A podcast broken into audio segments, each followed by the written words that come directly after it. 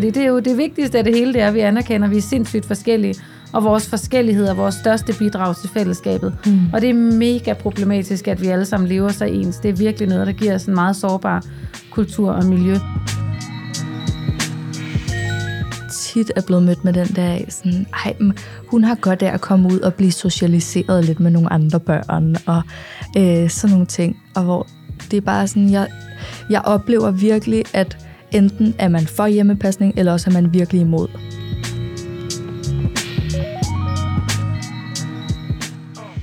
Velkommen til MomKind Podcast. I det her program, der skal vi tale om hjemmepasning. Nogen har vidst det altid, andre overraskes af den følelsesproces, der går i gang, når de er blevet forældre. Fælles for dem, der ender med at vælge at gå hjemme med deres børn, er, at de stadig tilhører et mindretal, beundres og kritiseres, og har hver især deres grunde til at vælge præcis det for dem og deres børn. Så hvorfor og hvordan hjemmepasser vi? Hvordan ser hverdagen ud? Hvad er tankerne bag at vende ryggen til den vel nok mest normale udlicitering af vores omsorgs, omsorgsopgaver, undskyld, nemlig institutioner? Vi tager snakken i det her program, hvor både en ny og en mere øvet hjemmepasser lukker os ind i deres overvejelser, processen derhen og i det familieliv, der for dem i hvert fald ser anderledes ud, end det stadig gør for langt de fleste børnefamilier. Og så kan vi næsten ikke lave det her program uden at kippe med hatten til den verserende debat omkring, hvor meget man skal arbejde, og hvad der egentlig skaber værdi og for hvem. Og det gør vi alt dette med et panel, der består af Maj My Midtgaard Humejdan, Freja Østergaard og psykolog Malene Buhl. Velkommen til jer tre. Tak. Tak for det. Maj My, du er jo øh, tidligere hjemmepasser. Du har en del erfaring med det her, men du er ikke øh, 100% lige nu hjemmepasser. Men du har altså din berettigelse i studiet, fordi du har altså haft ungerne hjemme flere omgange. Så er du forfatter og debattør. Du har for eksempel skrevet Ærø-manifestet, mm. og også meget investeret i den debat, der kører lige nu, som vi også kommer til at berøre i det her program. Og så har du en morstatus. Ja. Jamen, jeg er sådan øhm, i the golden years af mit forældreskab. Mine børn er mellem 7 og 15 år. Jeg har fire. Og det er det fedeste for mig. Og der er vi jo alle sammen forskellige, hvor vi trives bedst, eller sådan flower mest med moderskabet. Og jeg har altid vidst, at de små år, eller de der første sådan 0-3 år, at de, de kræver meget af mig. Det falder mig ikke meget naturligt at have meget små børn. Og så synes jeg, det blev virkelig sjovt, når de var tre, og nu synes jeg, det er helt fantastisk. Det kender jeg godt, det der. At der er præferencer for moderskabet.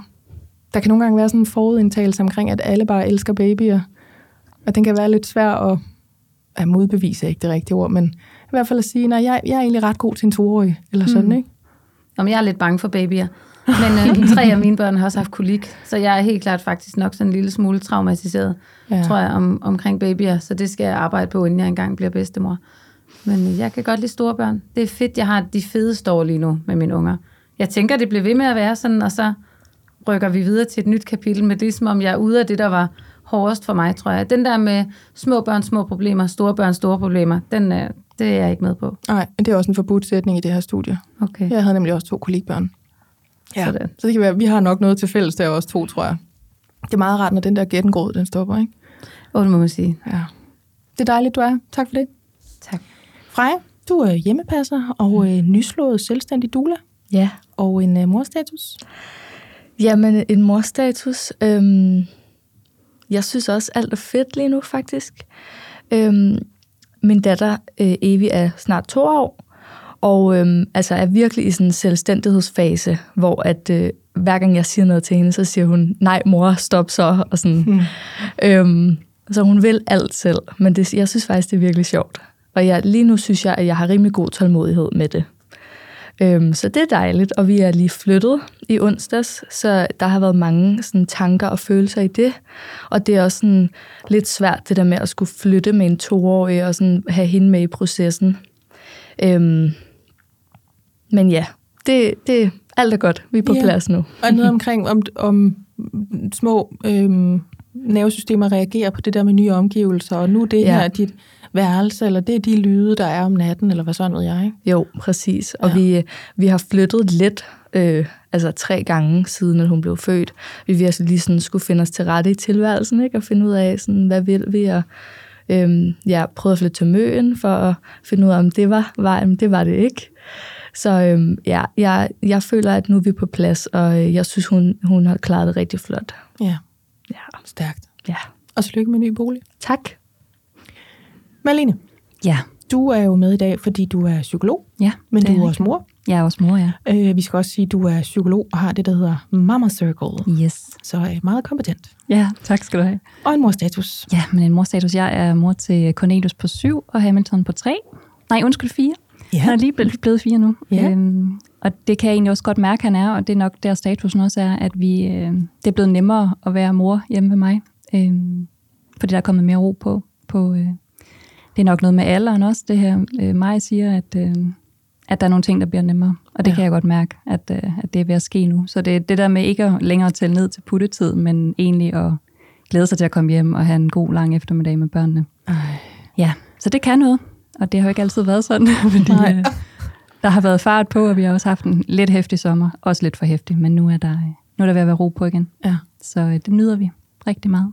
Det Ikke, bare ikke sovet så meget i nat, men det, øh, det var Nej. noget hoste, og, ja. Ja, ja, ja, kender, så kender, det er standarden, ja. Ja, det er sådan næsten at kigge ind i krystalkuglen. Nej, nu er der nogen, der hoster deroppe. Ja, ja. Hvem kan ja. blive hjemme i morgen? Og Yes. op og måle, er der feber og Ja, alt jeg lå også at tænke, hvordan kommer jeg dog herover i dag, men det Ja. gik. Ja. Ingen syge? Ingen syge, nej. Det var bare lige nat, Ja, ja. sådan. så jeg ikke fik sovet så meget. Ja. Jamen, øhm, jeg har jo Ellen og Trille på øh, 1 og 4. og øh, min morstatus er sådan lidt det modsatte af din. Altså, jeg er i, de der, jeg er i dog years, ja. hvor det var uden søvn, og øhm, når de så er vågne, så er det konflikt og på konflikt og på konflikt, føler man. Ja. Så, man, så vi skal huske at forstyr, øh, forstørre altså det gode, og når de er søde, og mm, du ved, nu kigger jeg op på ovenud igen, hvornår kan vi påbegynde den putning, fordi jeg kan, ikke, jeg, jeg kan ikke mere, jeg har ikke mere, jeg kan ikke, jeg kan ikke anerkende mere, eller prøve at lade være med at blive rasende mere, fordi jeg har et barn, der jo fuldstændig retteligt er ved at finde ud af, hvem hun selv er, og derfor modsætter sig alt. ja. Så det der med at have nogle unger, der har så forskellige behov. Altså den ene skal bare virkelig have kys, kram, nærhed. Det skal de begge to, men og, og grød og en ren numse. Mm. Den anden skal være, sådan, være noget relationel konfliktløsning konstant. Øhm, og så sætter de hinanden i gang, og hvem er mest træt, og virkelig bare det der, wow, det raser i os lige nu, det der forældreskab, som jeg jo godt ved, der er så mange, der kan genkende, når man siger til sig selv, fase, fase, fase hele tiden, og man ved det godt lidt med hovedet, men man vidste det ikke helt med kroppen, fordi man var så træt, at man næsten ikke vidste det. Det er morstatus lige nu. Den er der måske nogen derude, der kan spejle. Og nu skal vi i gang med det her program, som er mega ønsket og mega efterspurgt, og som vi kommer til at angribe fra lidt forskellige vinkler. Måske vi bliver en lille smule politiske. Det måtte man også godt. Det var meget velkommen. Men vi skal også ind i, øhm, i brystkassen og i mavefornemmelsen og i øhm, det at ville det allerbedste for sine børn. Uanset hvordan det så ser ud. Det her det er MomKind Podcast. Jeg hedder Majbrit Maria Lundgaard. Denne episode af MomKind Podcast er sponsoreret af Puri. Og jeg har jo tidligere fortalt om, hvordan jeg er blevet glad for deres vitaminer. Men nu har jeg lyst til at dele, at jeg også er blevet glad for deres kollagen. Jeg blander faktisk deres CP1, som er testet ren kollagen, og CP3 Beauty. CP3 indeholder nemlig zink og biotin, der blandt andet bidrager til at vedligeholde normal hud, og jeg oplever faktisk, at jeg både får mindre tør hud og færre revnede fingerspidser, når jeg tager det her. Udover zink og biotin, så indeholder CP3 Beauty også C-vitamin, B6-vitamin og hyaluronsyre. Puris produkter er testet for renhed og kvalitet, herunder uønskede stoffer som tungmetaller, pesticider og lignende, og du kan selv se testresultaterne, hvis du scanner QR-koden på bagsiden af deres produkter. Har du lyst til at prøve deres kollagen eller nogle af deres andre produkter, så kan du bruge koden MOMKIND30, når du tegner abonnement. Så får du 30% rabat på de første tre leveringer, og altså på produkter til 3 måneder. Majmy, vi starter fra toppen. Mm-hmm. Første barn kommer til verden, og så går der noget i gang. Eller hvordan? Hvordan er alt det her hjemmepasning øhm, opstået i din bevidsthed, i dit liv? Har du vidst det altid? Kom det til dig? Hvordan er du kommet øh, online i det her med at vende ryggen til institutioner og gøre det hele selv? Jeg kan huske, at da vi, øhm, da vi havde hjemmepasset i et år, tror jeg, så besøgte vi, min mand og jeg og vores børn, en familie, som altid har haft deres børn hjemme, og har vidst det, siden inden de fik børn, at de ville indrette sig, altså det man kunne kalde alternativt, og, øhm, og have sådan et meget øhm, tæt strikket familieliv. Og jeg følte mig en lille smule snydt, da vi havde besøgt dem. Og blev måske også en lille smule misundelig på den der klarhed, som de var gået til det med, fordi det tog mig jo i virkeligheden mine første tre, tre børns første år at komme frem til, at, øhm, at jeg ikke synes, at den der institutionskultur var det bedste for os. Og det tog jo tid, fordi vi lever i en kultur, hvor rammerne er meget tydelige omkring os, og hvor den her kultur i forhold til at aflevere vores børn tidligt er meget udtalt og er en del af vores samfundsmodel, og vi får at vide både, at det er bedst for børnene, og det er også bedst for os, og det er i hvert fald også bedst for samfundet. Øhm, så det tog mig nogle år som mor at, øhm, at begynde sådan at grave lidt i det der. Men jeg vil sige, ret hurtigt, da jeg blev mor, fandt jeg ud af, at min søn skulle sove op i sengen hos os, selvom vi havde fået at vide, at det måtte han ikke. Og mm. jeg fandt ud af, at jeg ville bære ham i sådan nogle, dengang var det sådan nogle meget, meget lange stykker stof, fordi man kunne ikke købe de der mega cool øhm, bæreseler, som man kan nu. Og så, så på den måde har jeg jo hele tiden, ligesom de fleste mødre og forældre måske i det hele taget er det, været på sådan en intuitiv rejse, som jeg oplever, at forældreskabet tit anspores i. Men det har alligevel taget lang tid, før jeg kom rigtigt i gang. Ja. Og ikke for at sige, at mit forældreskab indtil da var forkert, men jeg vil ønske, at jeg havde gjort det omvendt rækkefølge. Jeg tog jo, øhm, eller vi, min mand og jeg tog vores børn hjem, da den ældste var syv, tror jeg, og den yngste var et år, og de mellemste har været fire.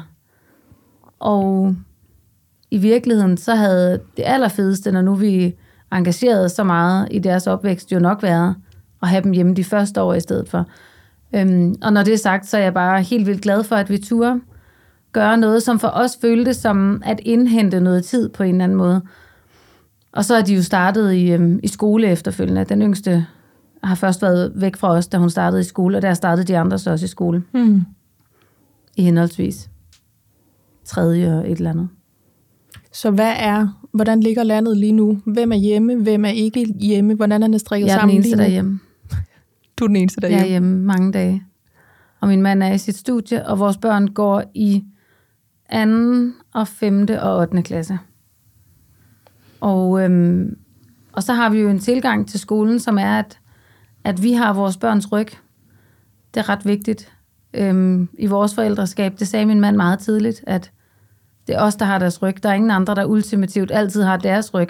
Og det betyder ikke, at vi ikke kan anerkende, hvis, øh, hvis der kommer kritik udefra af vores børns adfærd, som vi bliver nødt til at tale med dem om. Men det med, at vi ultimativt er dem, der står her og, øh, og holder sammen på det med dem. Det tror jeg er ret vigtigt, og det blev rimelig definerende for min tilgang til autoriteter, men også til normer. Øhm, og man vil sige, at både autoriteterne ude omkring os og normerne omkring os i vores samfund er helt enormt toneangivende, og det kræver enorme ressourcer og overblik og netværk og alt muligt andet at turde stille spørgsmålstegn ved den måde, vi har indrettet os. Og det oplevede jeg også. Du lægger næsten også op til noget, som øh, vi runder om lidt, når vi har spurgt Freja, hvad hendes overvejelser omkring at hjemmepasse var. Netop det her med, det man som hjemmepasser bliver mødt med. Jeg forestiller mig, at det ved de fleste. Øh, det er da synd for dit barn, eller for dine børn, eller så ved de jo slet ikke, eller så prøver de ikke, og det er da ikke normalt, eller hvad kan du være sikker på? Altså alt det der, ikke? Den tager vi. Men vi skal først høre dig, Freja. Mm. Fordi Evi, hun er jo hjemme hos dig. Ja. Ja, og den rejse startede faktisk øh, nogle år før jeg blev gravid, vil jeg sige. Øhm, hvor jeg virkelig havde, altså efter gymnasiet, kørt et rigtig hårdt gear og arbejdet i restaurationsbranchen blandt andet øhm, i mange år, og sådan virkelig kørt mig selv rigtig hårdt. Øh, og så går jeg ned med en stressreaktion. Og, øhm, og ja, øh, så, kunne, så, så vidste jeg bare, at jeg skulle ændre nogle ting i mit liv. Øhm, og så bliver jeg så gravid og går igennem et lidt hårdt fertilitetsforløb på det her tidspunkt. Øhm, og da jeg så endelig er gravid med Evi, så kan jeg bare mærke, at det skal gøres anderledes. Øh, altså mange år før det havde jeg jo troet, når jamen, jeg, jeg skal jo bare sende mit barn i institution, og det gør man jo. Og sådan, men, men jeg begyndte virkelig at stille spørgsmålstegn øh, ved det der, da jeg, da jeg så blev gravid. Øhm, og jeg stillede også spørgsmålstegn til alle mulige andre ting. Hvordan skal jeg gøre det her med at få børn, og hvor vil jeg føde henne? Og virkelig tænkt meget over, hvad er sådan tilvalg, og hvad er fravalg. Ja. Havde du tanker omkring, at det, som øhm, institutionaliseringen kunne tilbyde, var for dårligt? Eller det, du som mor, jer som forældre, kunne tilbyde, var bedre? Altså var det noget, var det, du ved, et tilvalg eller et fravalg? Forstår du, hvordan mm, jeg spørger? Ja, ja. altså øhm, nej, det var helt klart bare, bare siger jeg ikke, men mm. det, var, det var for os det der med at følge vores mavefornemmelse. Altså det var egentlig ikke så meget på grund af alt det, vi hørte omkring institutionerne og nummeringer og sådan nogle ting. Det var mere bare den der af, jamen sådan, vi har fået børn, fordi vi godt kunne tænke os at være sammen med dem. Og ja, mens jeg var gravid, vidste jeg jo ikke, hvordan det var at have børn, og, sådan, og det er også mega hårdt nogle gange at hjemmepasse. Men jeg kunne bare mærke, at jeg havde sådan en af, nej, hun skal være hjemme med mig. Det har jeg lyst til. Mm. Ja. Når du siger den der, vi har fået børn, fordi øh, vi gerne vil være sammen med dem, mm. den griber jeg lige som en bold i luften. Fordi der sidder nogen og lytter til det her, som mm. er lige ved at sælge antænden over mm. sådan noget. Ja. Øhm, og det er fordi, når du siger det, så mener du, sådan var det for os. Mm. Jeg kunne mærke, at jeg havde øh, tid, ressourcer, overskud, alt det der, der skal mm. være legnet op, inden man tager sine unger hjem, for det er jo også et arbejde at være på. Ellers var der jo ikke nogen, der ville få løn for at udføre præcis det stykke arbejde, mens man selv havde et mere, mm. hvad kalder vi sådan noget, corporate arbejde måske. Ikke? Så var det fordi, det var det, var det rigtige for jer, mm. og at dem, der er sammen med deres børn i færre klokketimer, de vil også godt være sammen med dem. Det kan også være, at de gerne vil noget andet. Ikke? Klart. Så jeg griber den bare lige, ja. inden du ved... Det, øhm, det er en fint lille disclaimer ja. at komme med. Ja, præcis. Det er en ja. lille bande, ja. som man kan øh, fortsætte med at lytte. Ja. Yes. Ja, og jeg vil sige, altså, som jeg siger, så var det udelukkende sådan det der med, at jeg, jeg havde bare den der, jeg er nødt til at lytte til, hvad min egen mave siger. Ja. Og jeg har rent faktisk bare virkelig lyst til at være sammen med hende hele tiden. Øhm, selvom det er hårdt at hjemmepasse, selvom det også er hårdt at gå på arbejde, og sådan, det var bare den der af, det, det er simpelthen det, der er rigtigt for mig, øh, og for min kæreste også, at vi kunne mærke, at det var det, vi skulle. Ja. Øhm, Begge dele er hårdt. Vi vælger den her slags hårdt. Ja, ja, præcis. Hvordan ser en dag ud? Jeg synes, jeg fornemmer, at der er mange, der har øhm, kan vi kalde det sådan en form for øhm, udvidet legegruppe, eller et netværk af folk, mm. som øh, byder ind med forskellige ting, så man ligesom oplever meget forskelligartede ting med sine børn. Altså hvis jeg laver en spejling til mine egne børns institutioner, så tilbyder de dem som regel i løbet af en uge eller en måned nogle oplevelser, som jeg ikke er sikker på, at jeg kunne have gestaltet. Hvordan gør du? Er der et eller andet, du ved, jamen det her skal vi prøve, eller det her skal vi se, eller vågner du hver dag og tænker, hmm, hvad har vi lyst til i dag, eller hvordan griber du det an? Ja, men altså, jeg synes faktisk for det meste, så, øh, så winger vi den bare sådan lidt ud fra, hvad har vi lyst til. Øhm, vi går ikke fast i nogen legegruppe lige pt, fordi vi har flyttet sådan lidt rundt og sådan noget, ikke? Ja, det er så nyt. Ja. ja. Øhm, så nu skal vi lige lande det nye sted, og så regner jeg med, at vi skal begynde en legegruppe på et tidspunkt. Men øh, indtil videre har vi simpelthen bare taget dagene, som vi har haft lyst, og jeg vågnede op og sådan mærkede efter på min datter og været sådan, okay, at du bare helt, jeg kan bare mærke, at der er nedsmeltning på nedsmeltning i dag, så lad os lige tage ud og lave et eller andet, eller sådan gå på legepladsen og krudt af, eller ja, et eller andet. Men som udgangspunkt er vi rigtig tit ude at cykle, og ja, cykler vi rundt til nogle af vores familiemedlemmer, og sådan går på legepladsen med de andre børn. Det er sådan meget forskelligt, hvad vi laver. Men det er ikke sådan, fordi jeg laver alle mulige aktiviteter med hende og sanseleje og prøver sådan at udfordre hende på, på det punkt, fordi jeg har det sådan, hun skal nok lære, mm. hvad hun skal lære.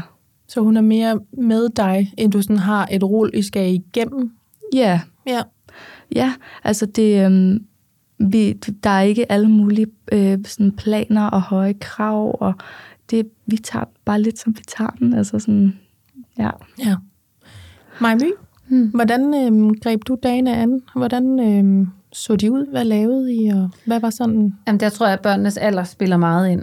Fordi da, da, vi begyndte, da vi tog vores børn hjem, der havde vi en helt lille på et, og så havde vi jo ældre børn.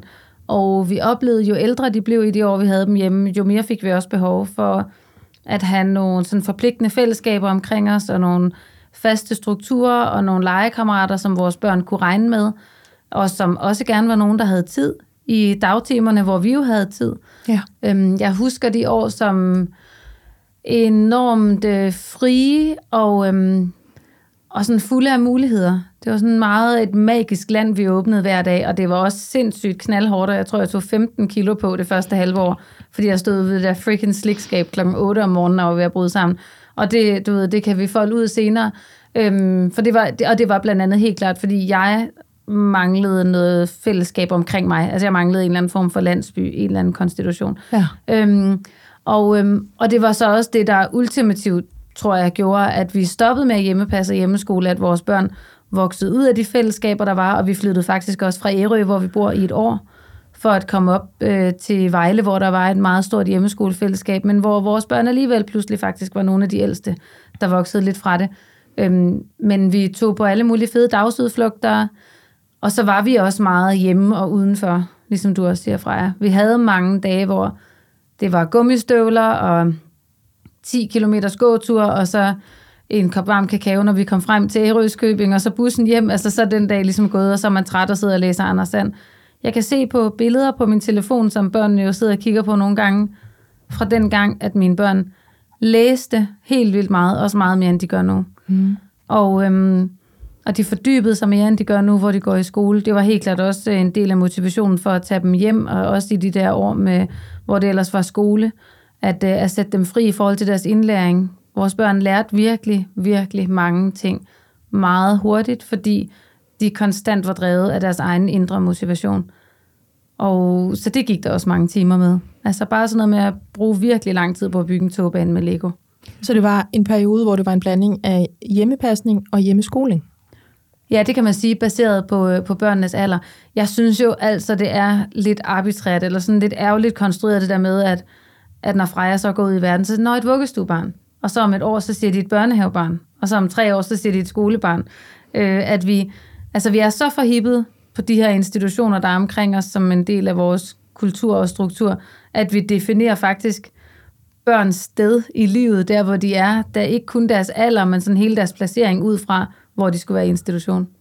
Nu spurgte jeg jo Freja før, om det var et tilvalg eller et fravalg. Hvordan føltes det for jer dengang? Var det fordi I ikke brød jer om den mulighed, der var for at udlicitere øhm, omsorgsopgaven, altså hvem der skulle passe på jeres børn, imens I måske skulle bestride et arbejde? Eller var det fordi I kunne mærke, nej, vi vil noget mere? Var det sådan til eller fra? Hvor Jeg tror faktisk, det var både og. For mig var det både det der med, at der var noget eventyr, der ventede på mig. Der var helt klart noget meget tillokkende i at sige, hvad sker der, hvis vi sætter os selv fuldstændig fri fra de her rammer? Men det tror jeg ikke, at jeg havde gjort, og jeg tror heller ikke, at det havde været lige så dejligt at forestille sig, hvis institutionerne havde været totalt skønne i tråd med nutidens børnesyn, øhm, nærværende voksne med fokus på tilknytning og to, lækre, lækre pileflethytter. Altså du ved, man kunne, have, man kunne i virkeligheden have, man kunne have præsenteret mig for mange alternativer, der havde gjort, at jeg sagde, så behøver jeg ikke hjemmepas. Fordi mm. jeg tror, jeg altid var ret bevidst om, at det ville blive en stor opgave for mig, og det er vi jo, som du også lidt med at sige, forskellige. Og jeg er bestemt ikke den, hvor det ligger til højre benet at have fire børn hjemme. Det kan jeg bare lige så godt sige. At jeg tror, jeg også jeg skriver i min bog, at en af mine gode veninder sagde på et tidspunkt til mig, du er måske den mest motiverede, men du er ikke den bedst egnede.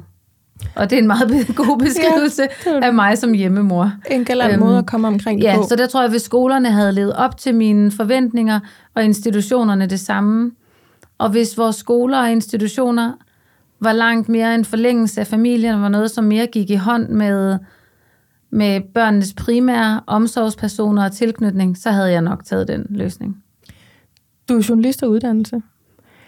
Var der nogle tanker omkring det her med at virke i et arbejde, eller have lyst til at arbejde kvæg? Jamen, det kan jeg jo ikke, hvis jeg skal, skal vi sætte det lidt på spidsen, gøre nogen andres arbejde. Altså i den forstand, at jeg skal gøre nogle pædagogers arbejde.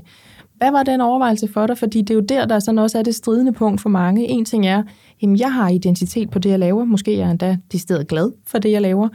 Der er også et økonomisk aspekt i det. Men hvordan så det ud for jer, Marie? Jamen, det tror jeg i virkeligheden var det, der gjorde, at, øhm, at det tog så lang tid faktisk, før vi tog børnene hjem i forhold til, hvornår jeg begyndte at læse om hjemmeskoling og hjemmepasning og så videre. Så var det det, at en stor del af min identitet var koblet op på det, at jeg var en skrivende journalist. Og det er ikke for at sige, at jeg nødvendigvis var det i meget høj grad, men det er jo igen det, vi har fået med os fra vores opvækst, at hvem, hvem er du? Det er jo i virkeligheden, hvad du arbejder med. Ikke? Mm. Øhm, så den skulle jeg på en eller anden måde komme overens med, at så kommer jeg ikke til at sidde der med min skrivebord og være sådan for mig sådan lidt selvforherligende. Uh, her sidder jeg og laver vigtigt arbejde. Det er ikke sikkert, det bliver på den måde. Jeg har, jeg har øhm, aldrig været fuld hjemmegående. Jeg har altid arbejdet ved siden af. Det vil jeg sige på godt og ondt, fordi det, det synes jeg er meget at tage på sig. Øhm, men jeg har bibeholdt mit, altså mit formidling, for det er bare så stor en del af mig. Jeg kan huske, at jeg fandt ret stor glæde i på et tidspunkt, øhm, at der var en, eller anden, en far til nogle børn på Ærø, der spurgte, hvad laver du egentlig? Og jeg ikke vidste, hvad jeg skulle svare. Ja. At jeg tænkte sådan, nå hvor fint, så den der, så, det, så kan jeg ligesom få lov til at beskrive mig selv ud fra, hvem jeg er måske. Det Den virkede der sådan øh, lidt... stramme identitetshat, der rykker Ja, det af. virker som en ny begyndelse. Ja. Og det er også noget, jeg generelt oplever faktisk, når man kommer lidt uden for byerne, at det er lidt mere sådan, "Nå, hvad er du så gang i? Øhm, og så kan det lige så godt være, jamen vi har lige øh, anlagt et bed. Det var lidt banalt. Men altså, Nej, du ved, nej, jeg forstår, at samtalerne starter der. Det, øhm, jeg kan godt være sammen med nogen i lang tid, uden at finde ud af, hvad de arbejder med, og det tror jeg egentlig er helt okay. Men det er også den der, jeg føler næsten, det er noget, jeg har set på skrift for nyligt, det der med, så sidder vi her ved et middagsselskab, eller bare spørger folk, hvad de arbejder med, spørg, hvad de er passionerede omkring, eller Klart. hvad de tænker på, eller et eller andet, ikke? om de har det godt måske, hvis man er så modig. Freja, du var jo sådan set i gang på øh, lærerseminaret. Mm. Hvad var tankerne omkring det? Jamen altså, jeg tror faktisk hele tiden, jeg har vidst, at jeg aldrig skulle være lærer. Øhm, men, men det var sådan et, jeg er nødt til at lave øh, et hårdt skifte nu, fordi det, jeg har gang i, som har udløst den der stressreaktion, øh, det gør bare, at jeg kan ikke blive i sådan et højt gear øh, arbejdstempo. Så jeg var nødt til at finde noget, hvor jeg tænkte, okay, øh, hvor, altså, hvor arbejdsforholdene var bedre, hvis det var sådan, at jeg skulle ud og være lærer, ikke? Og så gik jeg lige i gang på lærerseminaret, og ja, så blev jeg så gravid. Så jeg vil sige, at øhm, ja, det er ikke noget, jeg sådan, tror, jeg nogensinde kommer til at bruge på den måde, men, men det var sådan en, nu skal, jeg, nu skal jeg simpelthen lave et skift i mit liv. Ja. Nu skal jeg skrue ned for, for arbejdsbyrden. Det lyder også som, I, I begge to taler både om, hvad I mener er bedst for jeres børn, når I ser ned på dem, men I laver også nogle små kommentarer sådan hen ad vejen på hele det samfundsmaskineri, som man opererer i. Altså for dig var det stridende punkt, jamen jeg har simpelthen en, en belastningsreaktion eller en stressreaktion. Mm. Noget må gøres, mm. og det er så noget andet. Jeg, nu vender vi lige helt lortet om, hvis man kan sige det på den måde. Ikke? Og, og i jeres tilfælde, Maja My, altså, det er jo blevet sådan helt øhm, en, en bon mot, næsten, når man taler om det her, føler jeg, tiltagende sådan, samfundsoprør næsten, det der med, at vi kan jo ikke alle sammen flytte til Ærø. Altså, mm. Det er jo jer, der har, øh, har givet os den der bevidsthed omkring øh, at flytte mm. til Ærø, og hvad kan man ellers putte på at blive selvforsynende, eller hvad, søren ved jeg, ikke? At det er en mulighed. Der er sket noget sådan i vores bevidsthed der, eller vores sprog omkring, hvordan vi er i den her del af livet, hvor vi sætter folk i verden og, og øh, skal tjene penge samtidig med. Malene, Ja, vi anerkender, at du stadig er i studiet. Ja. vi skulle bare lige have de her øh, gode damer Jamen, på jeg sidder banen. bare og lytter. Det er interessant.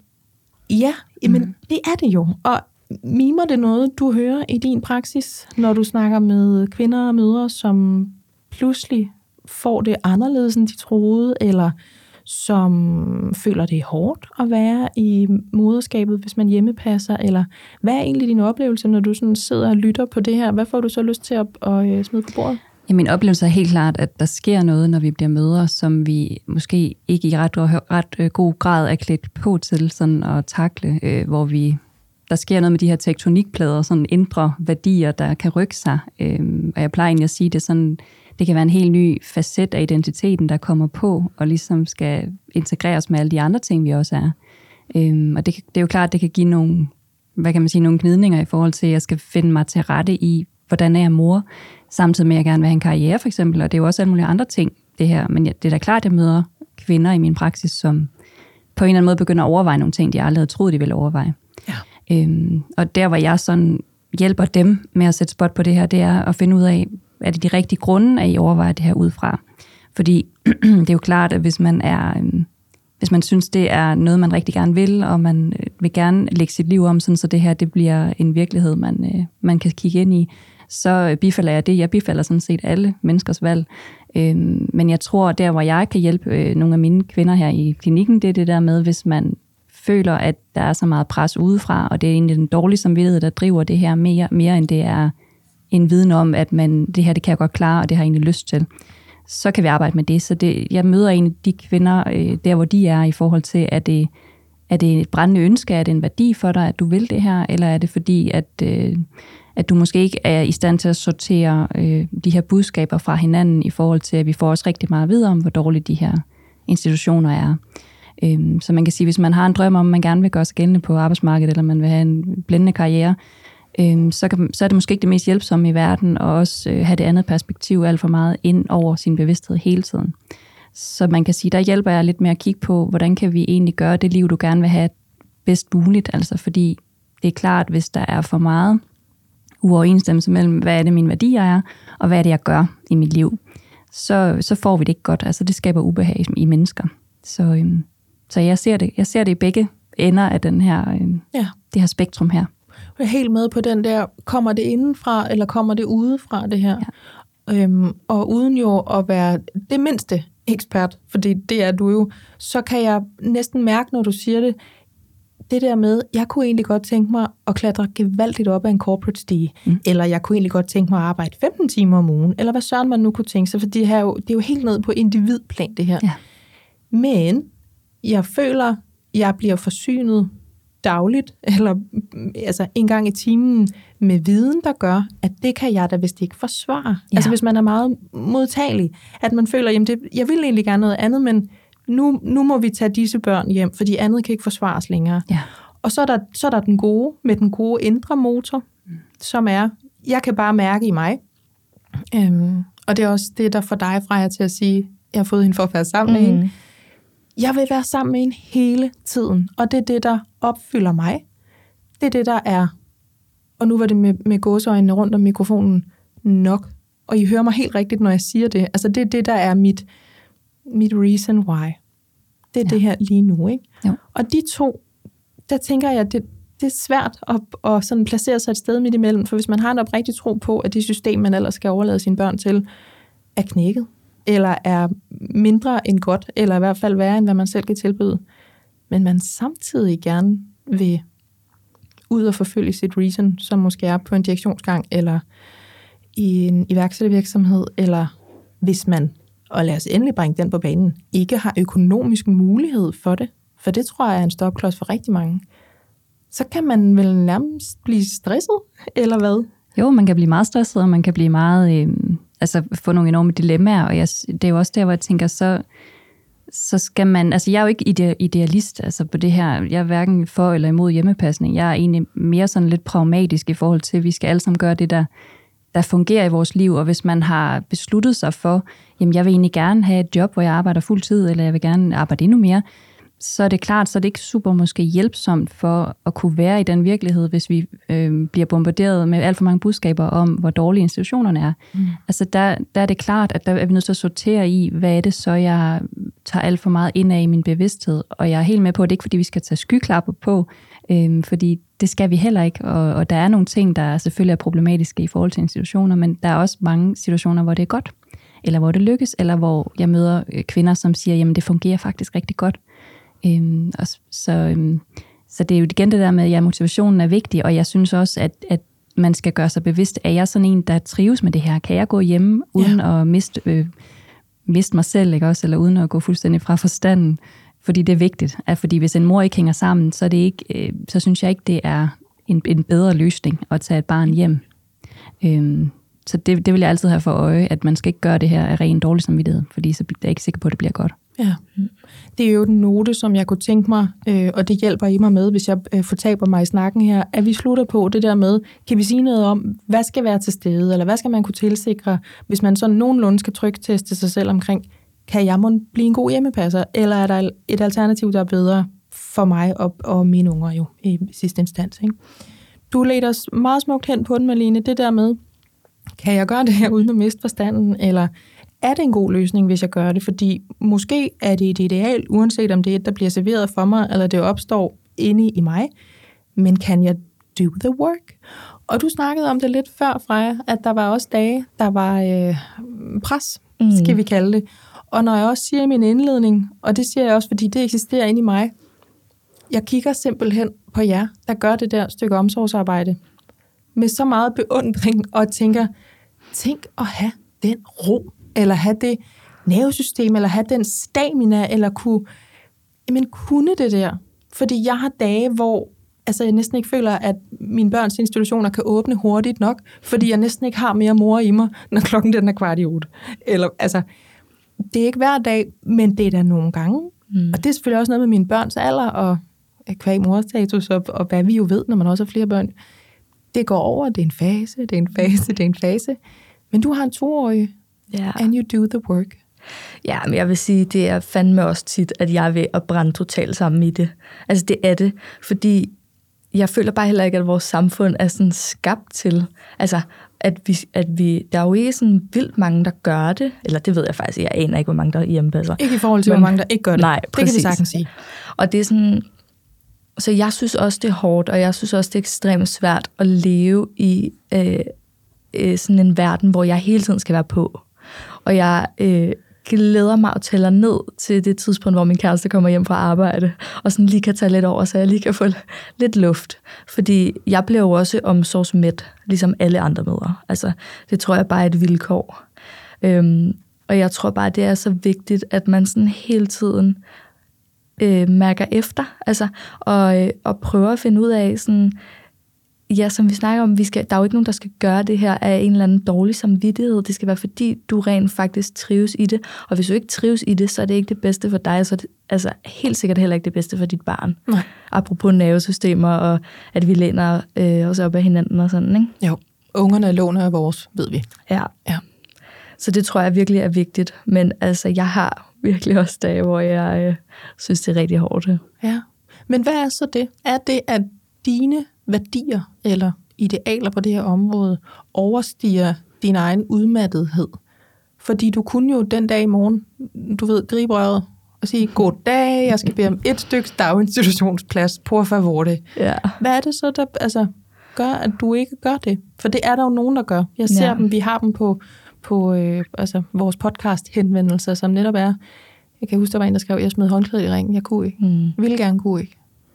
Ja, altså det har jeg også været ved at gøre tit, faktisk. Og vi har også været i øh, flere situationer, hvor jeg har været sådan, nej, nu skal hun i dagpleje. Nu, nu har jeg simpelthen brug for at lave noget, der også fylder mig op øh, sådan intellektuelt, eller sådan, altså, øh, jeg har brug for voksenkontakt, og jeg har brug for øh, sådan nogle ting. Forpligtende fællesskaber, som mig taler om. Ikke? Og det er bare, øh, det er svært. Og jeg ved simpelthen ikke, hvad det er, der gør det. At jeg kan blive ved med at trives i det. Men, øhm, men jeg tror bare sådan, jeg kan, jeg kan godt lide det der med, at vi står op og tager det stille og roligt. Og sådan, jeg øver mig virkelig i at gøre tingene langsomt, og gøre min hverdag langsomt. Øh, og hvis jeg er ved at brænde helt ud, så bare sådan fuldstændig sænke forventningerne til mig selv, og så får hun en iPad, og så kan hun sidde og hygge sig med den i en halv time, en time, hvor jeg bare sådan kan zone ud, eller sidde på min mobil, eller gøre, hvad jeg lige har lyst til. Ej, det elsker du siger ja. det der. Fordi jeg ved bare, der sidder nogen og lytter til det her. Både nogen, som er ligesom dig, som hjemmepasser lige nu, som tror, at alle de andre laver grovmotorisk og fin, mm. ja du nikker Malene, mm. grovmotorisk og finmotoriske øvelser hele dagen, og så var det afsted til legegruppen, og så var det på museum, og så var det det her. Og, og at de fejler forfærdeligt, fordi de også gør det der. Og så er der sådan nogen som mig, som tror, at dem, der vælger som dig og som mig My, bare lige elsker deres børn lidt mere, så de kan holde dem ud konstant. Fordi det er derfor, jeg siger det der med, hvordan, hvordan filen gør I? Hvordan kan I magte det? Hvordan kan I klare det? Har I bare et ekstra gear? Eller er I bare bedre møder? Eller, altså, det, det er jo der, den ligger. Og det er også, der er også noget af den benzin derfra, som vi skal bruge om lidt, når vi skal tale omkring dem, der gerne vil blande sig i jeres valg, og gerne mm. vil sige, ja, råbe vagt i gevær, sige, det er da synd for børnene, eller hvad så med det, de ikke får, eller det der, I jo kender til udløshed. Ikke? Så jeg er bare virkelig glad for, at du lige smider svisken på disken og siger det der, fordi der var der mange, der lige tabt øh, en halv indkørsel med herregårdsten ja. fra brystkassen. Fordi vi ved jo godt, at det er sådan, men vi ved mm. det nogle gange ikke helt med samvittigheden eller med, med kroppen. Ikke? Mm-hmm. Så tak for den. Ja, selv tak. Sister. jeg vil sige, jeg har det også tit sådan selv, mm. altså hvor jeg sidder og tænker, ej, alle andre, de er bare ude og aktivere deres børn meget mere end mig. Men altså, ja, vi er alle sammen bare mennesker, og vi er jo også nødt til at skulle være i det selv. Så hvis mm. det er iPad'en, eller whatever works nogle gange. Ikke? Ja, det er dig, der skal holde den. Ja. Hvis, og hvis Rom falder, hvis mor falder, mm. så er der ikke noget. Nej, præcis. Så lige nu er det det her. Ja. ja.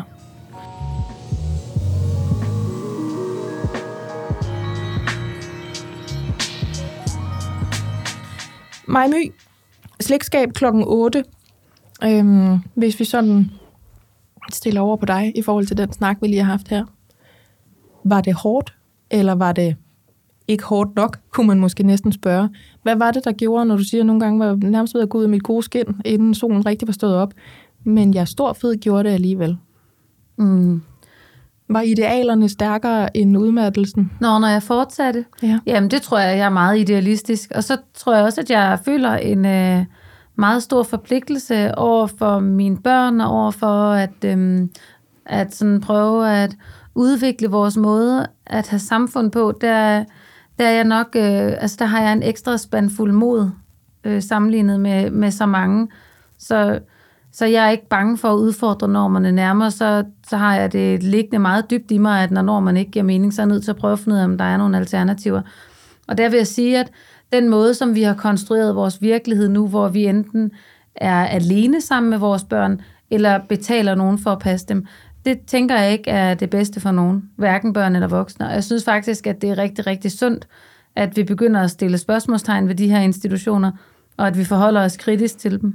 Så når du var alene med de der børn, og så stod med snuden i det slægtskabet kl. 8, så var det fordi, det er også noget, vi har talt om før i den her podcast, at det faktisk aldrig var meningen, at mennesker skulle være så meget alene med deres egne børn. Vi er næsten lige ved at sige landsbyer og et a village og det her netværk, som man også ved, hvis man har kigget lidt ind i hjemmepasningen, det er ret afgørende mm. for store og små at have nogle forpligtende fællesskaber, have noget, man skal, nogen spejle sig i, have nogle samtaler, som foregår på et færdigudviklet sprog, øh, og nogle frontallapper, der kan øh, møde og stimulere hinanden. Men jeg vil vide, når du siger det der med, at du næsten var med at miste forstanden, så blev du ved. Er det fordi alternativet i din optik dengang var så mm. dårligt. Jeg blev jo ikke ved, fordi vi stoppede jo efter 3-4 år med ja. at have vores børn hjemme på nær den yngste, der har været hjemme til hun startede i skole. Mm. Så jeg er jo ikke blevet ved sådan infinite. Og, øhm, og jeg tror, at når jeg, når jeg ikke smed håndklædet i ring første gang, jeg stod ved slikskabet klokken 8 om morgenen, så var det, fordi jeg havde en fornemmelse af, at der gemmer sig også noget godt i det her. Altså, livet må jo gerne være hårdt, så længe det giver mening. Mm. Øhm, og det, det er faktisk noget, jeg sådan prøver at forholde mig ret aktivt til hver dag, at det må gerne kræve noget af mig. Det har livet jo altid gjort for menneskerassen her på jorden. Det har altid været hårdt 98 procent af tiden, og så virkelig fucking hårdt de sidste to. Ikke? Så det synes jeg gerne, det må. Det jeg kan have svært ved, det er, hvis noget er hårdt, og så ikke rigtig giver mening. Det ikke rigtig resonerer i mig. Så jeg har helt klart et femte gear, når det kommer til noget, som jeg øhm, er stolt af, eller kan se bære frugt. Og der havde jeg virkelig lyst til at øhm, udforske, det her liv uden for rammerne eller kasserne, eller hvad man skal kalde det. Mm. Det havde jeg lyst til at give en chance. Og jeg vil også sige, at selvom vi så ikke fortsatte med at hjemmepasse og hjemmeskole, så er det nogle år, jeg aldrig ville have gjort anderledes i retrospekt. Også trods det, at de var så hårde.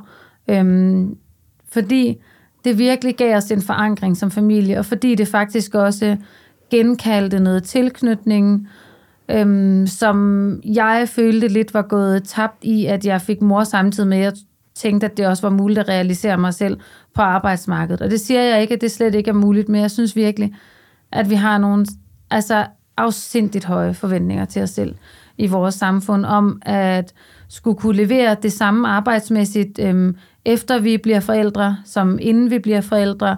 Vi skal se ud lige sådan fysisk, være i den samme form. Vi skal have samme øh, overskud til at lave mad og være sammen med vores venner. Alle de her forskellige parametre, som jeg bare tænker jeg, sætter os selv fuldstændig op til den vildeste fiasko.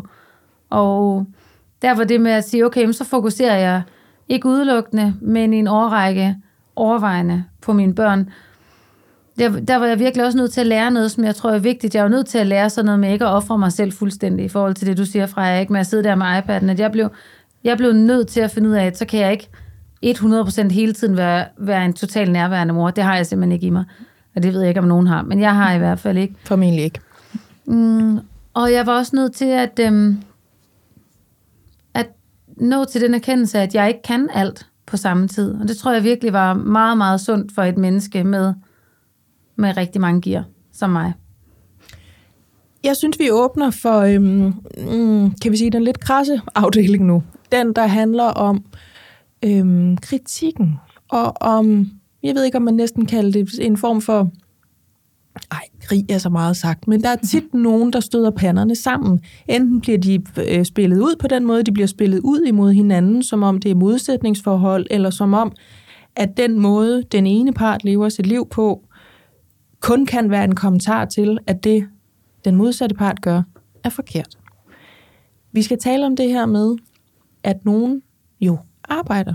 Langt de fleste er jo stadigvæk arbejder, og derfor sender deres børn i institution. Nogen arbejder endda rigtig meget.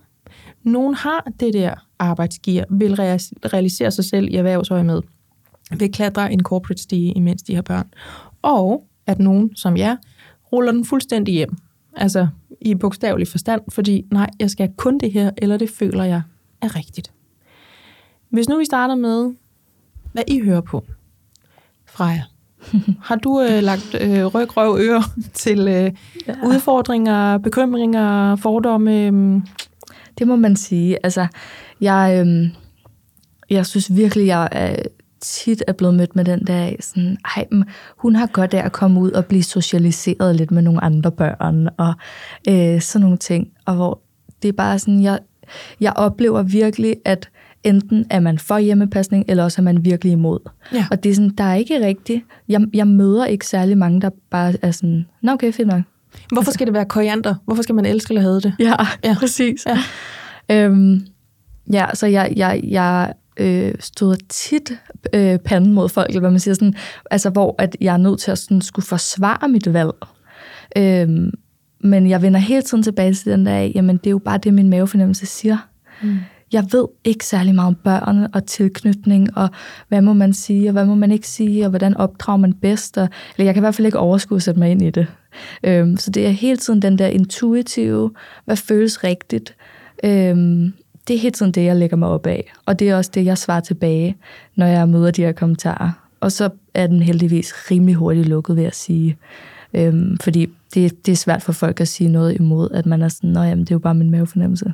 Ja, men nu føler jeg igen, du siger noget, der er helt modigt, fordi det er jo det, er jo det som, det har vi også lavet nogle programmer om, det der med, det, det er rigtig meget blevet med, at man skal læse i en bog, hvordan det er bedst at behandle sine børn. Mm. Nu sidder du og nikker igen, Malene. Det ja. tager jeg som, at det var, det var nogenlunde rigtigt, det jeg sagde der. Og du siger det stik modsatte, ligesom kan man sige, den, den gamle skole, den gamle mm, forældremodel. Jeg går lige ned og besøger mavefornemmelsen, og så er jeg forælder ud for det. Ja. Jeg er et okay menneske, det må få et okay udkom. Det er også noget, der på en eller anden måde har taget bagsædet til den her, øhm, kan man sige, det studie, det er blevet med, med vores generation, og måske mm. dem lidt før, og formentlig også noget efter, øhm, har gjort forældreskabet til. Ja, men jeg tror bare, jeg kan slet ikke overskue den der af, at når ens barn siger, øh, se mig mor, altså skal man svare, jeg ser dig skat. Og sådan, jeg kan ikke overskue de der fraser, og at jeg skal, ja, det, det er jo ikke autentisk. Altså, det der er autentisk for mig, det er at sige, øh, sige, ja skat, hvor ser du godt ud, eller hvor er du sej, eller et eller andet. Sådan, det, det tror jeg bare virkelig, hun kan mærke. Mm. Altså, om jeg er autentisk eller ej. Så det, for mig er det bare virkelig vigtigt at bare altså, lukke ørerne fuldstændig for, øh, hvordan skal man gøre forældreskabet. Fordi hvis det ikke føles rigtigt for mig, så render jeg rundt af sådan en helt øh, ja, forkert udgave af mig selv. Eller sådan, ja. ja. Så bliver du til et æsbeløv. Ja. Lykkedes du så med det? Jeg kan jo næsten være, jeg kan næsten fornemme svaret, men går de ind nogle gange, de der højlytte bekymringer på din datters vegne, for om det nu også er rigtigt? Og... Ja, det gør det da. Altså, fordi fordi jeg netop har de der dage, hvor hvis jeg sætter hende foran en iPad eller et eller andet, så føler jeg mig super meget som en dårlig forælder. Altså der har jeg den der sådan, ej, og børn må jo heller ikke få skærm, før de er øh, to år. Og, altså der er så mange, men, men jeg kan ikke altså, jeg kan ikke overskue det. Mm. Så jeg, jeg, jeg er nødt til at prøve at lade være med at lade mig påvirke af det. Men selvfølgelig får jeg den der af, ej, jeg ville det være bedre at sende hende i en institution, hvor hun kunne lege med andre børn hele dagen og tumle rundt og sådan nogle ting. Men altså, det møder vi jo også ude på legepladsen, og det tror jeg kan være lige så godt. Maja My, nu kaldte jeg det, øh, hvad var det, jeg sagde, røv, ryg og øre, man skulle lægge ting til. Hvad har du oplevet? Du har jo sådan, kan man sige, næsten altså, professionaliseret din måde at være mor på og hjemmepasser på, debattør på. Du har profileret dig i forhold til det her med, skulle vi ikke stikke hænderne dybt i farsen, og så kigge på, hvordan vi gør familie, og hvad vi forventer af os selv og vores unger, og hvad vi kan forvente af institutioner og skolesystemer osv. Hvad har du hørt på fra øhm, bekymrede medforældre, eller folk, der ikke kunne forstå, hvad det nu skulle til for, eller Jamen virkelig meget. Også fordi jeg jo netop har formidlet fra starten. Øhm, og jeg ved ikke, om jeg sådan har lyst til at sige, at jeg har lavet en profession ud af at hjemmepasse, fordi i virkeligheden så det budskab, jeg prøver at komme igennem med, er jo mest af alt, eller det er virkelig meget grundlæggende, at, at jeg tror, det giver mening for hver enkelt af os at tage bevidst stilling til, hvordan vi bruger vores liv løbende. Fordi vi er i en konstant udvikling, og fordi livet består af mange kapitler, og jeg tror, det at leve tilpas langsomt til, at vi uh, indimellem lige kan reflektere over, at det, der kommer til udtryk i min hverdag, er det også et billede på mine værdier. Altså Enig. den, jeg er inde i, den, jeg er udenpå. Og de øhm, værdier, forestiller jeg mig, har givet genklang. Øh, ja, altså, og, men jeg har helt klart også mødt selvfølgelig en hel masse kritik. Også fordi jeg var så åbenmundet om, at jeg tog mine børn ud, og fordi jeg så åbent har kritiseret den her sådan helt ukritiske institutionsskolekultur, vi har, hvor vi som den største selvfølge afleverer vores børn, når de er 10 måneder gamle i en, i en vuggestue, og så tænker, at man ikke kan blive et helt menneske uden. Og jeg synes, det er så fint at aflevere sit barn, hvis man gør det med åbne øjne. Men det der med, at, at alting omkring os går så hurtigt, at vi knap har tid til lige at mærke efter, hvordan det føles, det tror jeg også betyder, at, at vi godt kan komme til at tro, om det er jo kun, kun sådan her, man kan blive et rigtigt menneske, eller det her det er jo den eneste rigtige måde at leve på, ellers så svigter jeg der, der, der. Og der mener jeg bare, at hvis vi skal ligge på vores dødsleje en dag, og det ved vi jo ikke, om det er senere i dag, eller om 50 år, og se tilbage på et liv, hvor vi fortryder mindst muligt, så tror jeg, at det giver rigtig god mening at være lidt modig og ture tage aktiv stilling undervejs. Og jeg tror ikke, at det for alle overhovedet betyder, at de så træffer det, vi kunne kalde nogle alternative valg. Men om ikke andet, så er man da bevidst om, at det her normative liv, jeg lever, det er faktisk det, jeg helst vil. Du øh, brugte øh, udtrykket tidligere, da vi to talte sammen, Ærø-manifestet 15 procent. Mm, klart. Forklar lige, hvad det er. Ja. Jamen, det var faktisk, da jeg skulle ud og holde mit første øh, foredrag for 6-7 år siden, så var min bror og svigerinde heldigvis på besøg, da jeg lige sådan sagde det højt for dem. Og så sagde min bror, du skal også ligesom lave en sektion af foredraget, hvor du taler til sådan nogen som os, som er vildt inspireret af jeres måde at være på, men som ikke har tænkt sig at lave en copy-paste. Som ikke kan flytte øhm, på en ø. Ja, eller ikke har lyst. Som, øh, som netop som du siger, ikke har den der mavefornemmelse, som Freja har, eller som ikke har den der pondus, vanvittige handlekraft, jeg har, eller du ved, sådan, som bare er her på en anden måde, fordi det er jo det vigtigste af det hele, det er, at vi anerkender, at vi er sindssygt forskellige, og vores forskellighed er vores største bidrag til fællesskabet. Mm. Og det er mega problematisk, at vi alle sammen lever så ens. Det er virkelig noget, der giver os en meget sårbar kultur og miljø. Så, så jeg plejer at sige til mine foredrag, at, at mit Ærø-manifest, det virker jo sådan meget 100% eller 2000% for nogen ud i en eller anden retning. Ikke? Og, øh, og det var der, jeg var nødt til at stille mig ud for at afsøge, hvor befinder jeg mig bedst. Jeg var simpelthen nødt til at gå ret langt væk fra normerne og stå og beskue dem fra en vis afstand for at finde ud af, hvor placerer jeg mig lige på den her mållinje, for at det føles godt for mig. Og så har jeg jo krabbet mig længere ind mod normerne, men på nogle punkter stadigvæk holdt en vis afstand for at finde det, der for mig er den gyldne middelvej. Og og det kan bare se ud på rigtig mange forskellige måder. Og, øhm, man kan godt gøre det lidt, ja, jeg eller tror, man kan skrue jeg tror, på for, lidt. For langt de fleste mennesker er det at for eksempel flytte til Ærø, eller tage sine børn ud, eller hjemmepasse, det er noget, der kan virke næsten traumatiserende, medmindre man virkelig har taget tilløb, eller har et stærkt netværk, fordi det, er, det er en, et meget stort emneskifte, det er en meget stor forandring i ens liv, og det er ikke alle, der er givet til det. Så tror jeg nærmere, man skal sige, okay, men hvis jeg skal flyve jorden rundt, og jeg har et sigte mod at ende et eller andet sted øh, i Australien, hvis jeg så lige drejer radaren, eller hvad sådan en hedder, en grad væk fra det, og lad det være den ændring, jeg laver i mit liv hver dag, så ender jeg faktisk et helt andet sted end i Sydney. Så tror jeg tror for de fleste mennesker at lave livsstilsændringer, det er langt mere i de små, dag til dag. Og Ærø-manifestet 15% for mig er faktisk at ture stille sig kritisk og være mere medskaber af sit eget liv, frem for at være kunde i samfundsbutikken.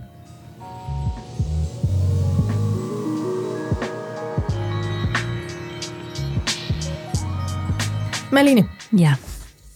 er det, øh, er det det, du oplever? At folk de tænker, at det kan vi jo ikke. Det, det gør man jo ikke. Der er der no økonomisk aspekt her, som er svært at lave sådan en almengyldig udmelding om, fordi det ser jo forskelligt ud for alle mennesker. Freja fortalte for eksempel mig, at vi har boet småt, og vi har ligesom holdt vores udgifter nede, så man kan ret meget, hvis man kan nøjes med lidt. Og det tror jeg også, man finder ud af, når man undersøger, hvordan søren gør man det her, eller hvis man ønsker sig at gå længere hjemme med sin baby, men der var ikke mere barsel, men så var det opsparingen, eller så var det måske lige frem at låne penge. Det er der jo også nogen, der gør til at kunne øh, leve de her værdier. Men det der med, tør vi være så nogen? Hvad gør det ved mig? Kan jeg, kan jeg gøre det uden at falde igennem mig? My siger det der med, at vi skulle helt ud og stå og kigge på det, så vi rigtig kunne finde ud af, hvad vi selv synes. Hvad siger du til dem, der er sådan i vildrede omkring det, og hvad er det egentlig for en slags forældre, jeg gerne vil være, eller vi gerne vil være? Kan man give nogle afstiver i forhold til, jamen, hvad, hvad skal du tilsikre? Jamen, jeg tror, at man skal i hvert fald reflektere over det, der også er blevet sagt allerede, det her med, hvordan, altså har jeg de rigtige rammer omkring mit liv til, at det her det kan blive godt. Øhm, og det kan jo lige så meget være et netværk, og som I siger, it takes a village. Altså det, det er jo klart, og det er jo også det, jeg ser, dem, som ikke trives ved at gå på barsel, det er typisk nogen, hvor, hvor der ikke er ret meget netværk, altså hvor måske partneren er meget væk, og der er ikke øh, bedsteforældre i nærheden. Altså, så det der med at, at også kigge lidt på rammerne, og ikke kun kigge på, er det fordi jeg er svag, eller jeg ikke kan klare det, at, at det her det, øh, ikke virker attraktivt for mig. For det er jo helt klart øh, en strukturel ting, det her med at få børn, og det burde det være meget højere grad, og det er det ikke. Øh, så jeg synes, at man skal kigge på, både hvad er mine egne ressourcer i det, men, men dem synes jeg jo ikke, man kan skille ad fra, hvad er mine ressourcer i min virkelighed eller mine omgivelser. Øhm, så, så jeg synes, jeg synes, det er vigtigt det der med at sige, at jeg tror, at langt de fleste møder, i hvert fald dem jeg møder, selvom de ikke står i den her, det her dilemma, om de vil hjemmepasse eller ej, så er de meget bevidste om, hvordan skaber vi egentlig et godt liv for os selv og for vores børn. Øhm, også med mindre, altså også med 15 procent, eller hvad det nu er, og de overvejer, kan vi gå en smule ned i tid, og hvordan, hvordan indretter vi os, så det giver mening stadigvæk. Øhm, så jeg oplever egentlig ikke, at de går rundt heller øhm, de fleste med skyklapper på, men, men der er også nogen, der, hvor man kan sige, det der Freja sagde før, at, øhm, at det er lidt, enten så er man for, eller så er man rigtig meget imod, og jeg tror tit det handler om, at man kan blive ret trigget af at høre den her sådan, øh, retorik omkring det her, eller man kan blive trigget af at se nogen, der gør noget, hvor man tænker, det vil jeg i virkeligheden gerne kunne det her. Mm. Men det, det er jeg ikke i stand til af alle mulige grunde. Øhm, så er det klart, at når moderskabet er sådan et sted, hvor vi føler, vi bliver målt og vejet hele tiden, måske er omgivelserne, måske bare er os selv, øh, så bliver det her rigtig sårbart, og det kan sætte spot på nogle usikkerheder og noget dårlig samvittighed, som jeg tror langt de fleste render rundt med mig selv inklusiv, øh, hvor det jo så bliver vigtigt igen at kigge indad, som det også er blevet sagt, og lige mærke efter, jamen, hvordan er det for mig? Jeg behøver ikke at måle mig med, hvad andre gør. Jeg behøver ikke at kigge på, hende der, jeg kender, der hjemmepasser, eller hende der, jeg kender, der arbejder 70 timer om ugen. Men i virkeligheden finde ind til, øh, hvad kan jeg være med til? Hvad vil jeg gerne? Hvad er min værdi? Fordi det er dybt, dybt forskelligt jo. Ja. Øhm. Jeg tænker også, altså det er sådan lidt ligesom øh, land og by. De må, det må, der må være en konflikt. Det må vi røve, altså mm. København, Jylland, sådan noget der er jo ikke nogen, altså vi har også lavet et program, der handler om øh, kvinder og mødre, der gør karriere. Hvis ikke det er udkommet, så er det på vej, for de her to programmer, dem øh, sender vi i forlængelse af hinanden. Vi er sådan set ikke på jagt efter et svar, eller på hvad der er rigtigt, fordi ting kan sammen eksistere.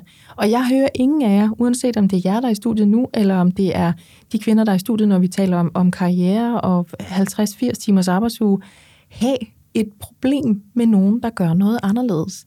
Så hvor kommer den fra, den der fornemmelse? Er det noget, man selv tror? Er det noget, der kommer udefra? Er det, er det en person i et Facebook-kommentarspor, der på et tidspunkt har sat det der i gang? Fordi jeg hører alle sige, you do you. Ja, men jeg tror, det er en blanding af alle de ting, du siger. Altså, jeg tror, det er, det er rigtig meget det der med, at vi, vi, vi får så meget viden i dag, at vi jo næsten ikke ved, om vi kan absorbere det hele i forhold til, hvordan kan man være en god forælder. Øhm, så jeg tror, det bliver rigtig vigtigt at sortere i information. Altså, det er jo noget af det, jeg nærmest siger som det første. Er du opmærksom på, hvad du tager ind altså på sociale medier? Er du opmærksom på, at du ikke får googlet øh, ud i et verdenshjørne af ja. de ting, du bekymrer dig om? Fordi vi kan ikke rumme alt det her. Nej. Og det bliver, øhm, hvad kan man sige, det kommer til at fylde for meget, og det kommer til at gøre, at vi mister det der indre kompas i forhold til, hvad er egentlig vigtigt for mig, og hvad kan jeg mærke min egen intuition, fordi det er jo også øhm, tit, det går, lidt, det går man lidt glip af, hvis man hele tiden orienterer sig udad til. Ja, hvis man skal være tilgængelig for, for ja. viden hele tiden, eller for holdninger, for synsninger. Ja, ja, fordi så, så kan man aldrig, man jo aldrig tørre for kilder til det, vel? Altså, der, er jo, der er jo nogen, der synes noget om alt, og hvis vi skulle være verdensmester i alt det her med både at sanse og stimulere og aktivere og nakketræne, så kan vi jo aldrig blive færdige med den her checkliste her. Så, så jeg plejer at sige, at de her børn, de, altså, de skal nok klare sig, selvom de ikke ligger på maven 30 minutter hver dag. Øhm, det er meget vigtigt at have det her store perspektiv og få zoomet lidt ud og set, jamen gør jeg det egentlig godt nok sådan øh, i det overordnede, så, jamen, så er det rigtig fint. Ja. Ja. Bare, bare lige lægge dem 30 minutter hver gang, I skifter dem. Ja. ja. Og så ja. husk det, drupper. ja, og selvom de skriger op i, op i luften. Ja, ja, ja. Uh. ja. Jeg synes, det lyder rigtig klogt, og jeg kigger over på Freja, og så kigger jeg på min uh, recorder, som det hedder, der hvor al den gode lyd går ind. Og så bliver jeg nu langsomt nødt til at binde en sløjfe på det her program. Mm. Vi vil gerne være opbyggelige, sådan her på den afsluttende note, så jeg kigger også over på dig om lidt, Majmy. Hvis man sidder og hører det her, og man har en spirende hjemmepasser i maven, eller man har en spirende, hvad det nu skal blive til i maven, måske noget med nogle procenter, 15 procent, 1 procent. Mm. Man kunne tænke sig at stille sig lidt uden for, skal vi kalde det række og geled, og finde en finger frem og give til den debat, der verserer omkring, nu deltager du, fordi det er sådan her, vi alle sammen går på arbejde, og det har vi aftalt, og det har vi øvet, så det fortsætter vi med. Hvad skal man tænke over? Hvad kunne du have tænkt dig at vide dengang? Har vi et lille råd, eller mm, en måde, vi kan tage folk i hånden på, hvis man tænker, kunne det være noget for mig, eller lige om lidt, så går jeg i fødsel. Kan jeg vide, hvad jeg kunne tænke mig? Ja, altså jeg tror faktisk, mit bedste råd er øh, at prøve at mærke indad, og sådan lukke for alt det der øh, udefra kommende øh, spørgsmål og kritik, og, men bare sådan tage det stille og roligt og mærke efter, sådan, hvad du kunne tænke dig. Øh, og så skal du nok klare den, og det, det økonomiske skal nok løse sig. Øhm, og sådan nogle ting, altså det er i hvert fald min egen oplevelse, at de bekymringer, jeg kunne have haft omkring det hjemmepas, det, det, det, det er gået fint alligevel, og det går fint, så sådan, ja, jeg synes bare, man skal springe ud i det, hvis man har lyst. Ja, så tænker jeg også, man kan jo springe tilbage igen. Mm. Altså man kan jo sige, jeg prøvede det. Ja. Det var ikke det. Ja. Nu gør vi noget andet. Ja, og så tror jeg også bare virkelig, det er vigtigt, øh, at, at have den der med af, sådan, du svigter ikke dit barn, hvis du så sætter dit barn i institution. Øhm, det, det, det, der er så mange gode institutioner derude, så hvis det er det, du kan mærke, hvis du kan mærke, at dit nervesystem ikke vil kunne hænge sammen med at hjemmepasse øh, døgnets 24 timer, så øh, kan en institution være en rigtig god mulighed. Og der er også nogle omsorgspersoner dernede, der vil holde af dit barn. Øhm, så ja, alle skal trives i det, og du kan altid gå tilbage. Øhm, ja, eller lave en 15 procent, eller... Ja. Jeg ja. super godt lide den der med alle. Altså store og små, ikke? Mm. Ja.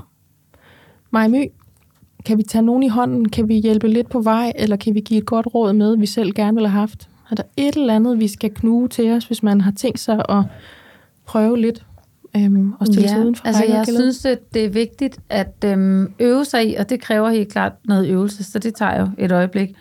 Men at skelne mellem den internaliserede dårlige samvittighed, og så den dårlige samvittighed, der kommer, fordi vi arbejder imod vores egne værdier eller drømme. Og øhm, den mavefornemmelse, som jeg tror simpelthen er det vigtigste kompas, vi kan have igennem livet, og som nok også er det, vi skal gøre allermest for at værne om i vores børn, embodiment og intuition, øhm, den kan vi jo godt øh, træne op i os selv. Og det tror jeg blandt andet, at det der med at bruge den dårlige samvittighed som et kompas, i stedet for altid at skælde ud på den og være sure på andre over, at vi har fået dårlig samvittighed, så lige tjekke ind med, er det dårlig samvittighed, som jeg har tillært mig på grund af nogle kulturelle normer, eller er det her en dårlig samvittighed, der kommer op, fordi jeg igen igen er i gang med at udleve en hverdag, som faktisk ikke er i tråd med, hvad jeg gerne vil se tilbage på. Solidt råd. Så kigger jeg over på eksperten i studiet. Du får lov til øh, at tage os ud af den her snak, Malene. Hvad kunne du finde på at sige til en klient? Nu skal vi jo ikke spolere mm-hmm. klienttilgangen fuldstændig, men et eller andet, vi kunne, øh, kunne hjælpe med. Jamen, jeg sidder og tænker på noget lidt andet, men det, det er ikke et sådan konkret råd, men mere det her med at blive ved med at prøve at være lidt nysgerrig på dem, som måske tilhører den anden lejr, fordi det her, det kan hurtigt blive sådan lidt også mod dem, øh, tror jeg, følelse i mange mødre af, at jamen, jeg er jo ikke sådan en, der, der kan se mig selv i det her hjemmepasning for eksempel at vi bliver nysgerrige på, ligesom Freja sagde før, det, jeg har faktisk også dage, hvor det kan være rigtigt, hvor jeg lige var brændt sammen, tror du mm. sagde, mm. at det er jo så noget, der tænker jeg er ret fedt at høre egentlig, øh, når man sidder i en anden lejr, at, mm. at det, er, det er ikke bare øh, lutter lavkage, mm. det her. Jeg elskede at høre det. Ja, det gør jeg, jeg tror også. jeg fik sagt det. det var mega forløsende, fordi jeg har tænkt, at de elsker lige deres børn ja, mere. lige ikke? præcis. Jo. Og så tænkte jeg, hvad tænker du så om mig? Tænker du så, at jeg er sådan en ravnemor, der bare Nå, ja. fisk det helt med dig. Jeg vil sidde og drikke kaffe her i otte timer, indtil jeg henter dig igen. Ja. Altså, det er jo ikke sådan, verden ser ud. Mm. Og hvis det er sådan, man har det en dag, så måtte man stor fed godt det. Mm. For det er et insane job, vi er på, ja. når vi har børn. Ja. Ja, så den der, altså jeg bliver ved med at slå på trummen for, at vi skal normalisere alt det, der er svært, og vi skal snakke meget mere om det. Fordi ellers så får vi lavet de her historier, som ikke er særlig nuancerede, og som er simpelthen alt for tynde, om hvordan vi er i verden hver især. Ja. Så jeg vil egentlig sige, vær nysgerrig på dem, der repræsenterer noget andet, end du selv gør, og prøv at høre, jamen er det ikke også svært at være dig nogle gange? Fordi det er det, vi kan føle os så alene i, at, at nå, men det er nok kun mig, der ikke vil kunne det her. Øhm, og det, det er slet ikke sådan, det er, Nej. er min oplevelse typisk i hvert fald. Og at den måde, if I might add, som andre mennesker, familier, mødre, fædre lever deres liv på, er ikke en kommentar til dit. Nej, nej. Mm. Men det kan føles sådan, hvis man har morører, er lidt porøs, er lidt sprød, måske enten fordi man er ny i forældreskabet, eller fordi man er i forandring, eller fordi det, som du lidt var inde på, øhm, både dig, Malene, men også øh, mig, My, prikker til noget. Det er det, der vi godt ved, det der gør mest ondt at få at vide, det er nogle gange det, man godt ved i forvejen. Mm. Eller det, som man er ved at indse, fordi jeg er ved at ændre mig, og det overrasker mig, og det er smertefuldt, eller det kommer til at repræsentere et masse tumult og problemer, eller hvad søren ved jeg. Find ud af, hmm, hvorfor det generer dig, hvis du var en af dem, der kunne finde på at skrive noget surt, eller noget grimt, eller sådan noget, til en dame eller en herre i begge lejre. Ja. Fordi det håber og tror jeg virkelig, at man kan høre, når man lytter til denne her podcast, øhm, og de to programmer, der ligesom er meningen, at her tager vi altså hinanden i hånden, venner. Der er både nogle kvinder her, der arbejder 50-80 timer om ugen, og så er der nogen, der ikke arbejder i den forstand, at deres børn ikke går i institution. Og der er ikke et svar, der er ikke noget, der er rigtigt der er din mavefornemmelse, og øhm, det at se ned på sine unger, om de har det godt, og hvad man selv kan være i. Store som små. Ja. Mm. Mm. Var det ikke meget godt opsummeret? Jo. jo. Jeg føler, at den var god, den der. Den, ja, den var, den ramte du. Sagt mig. tak til mig. øhm, og tak til jer. Selv og det var jo tak. altså til øh, mig, My Midtgaard Meiden, Freja Østergaard og Malene Boli Eriksen. Tusind tak, fordi I var med i dag. Selv tak. Det var en fornøjelse. Og det her, det var Momkind Podcast.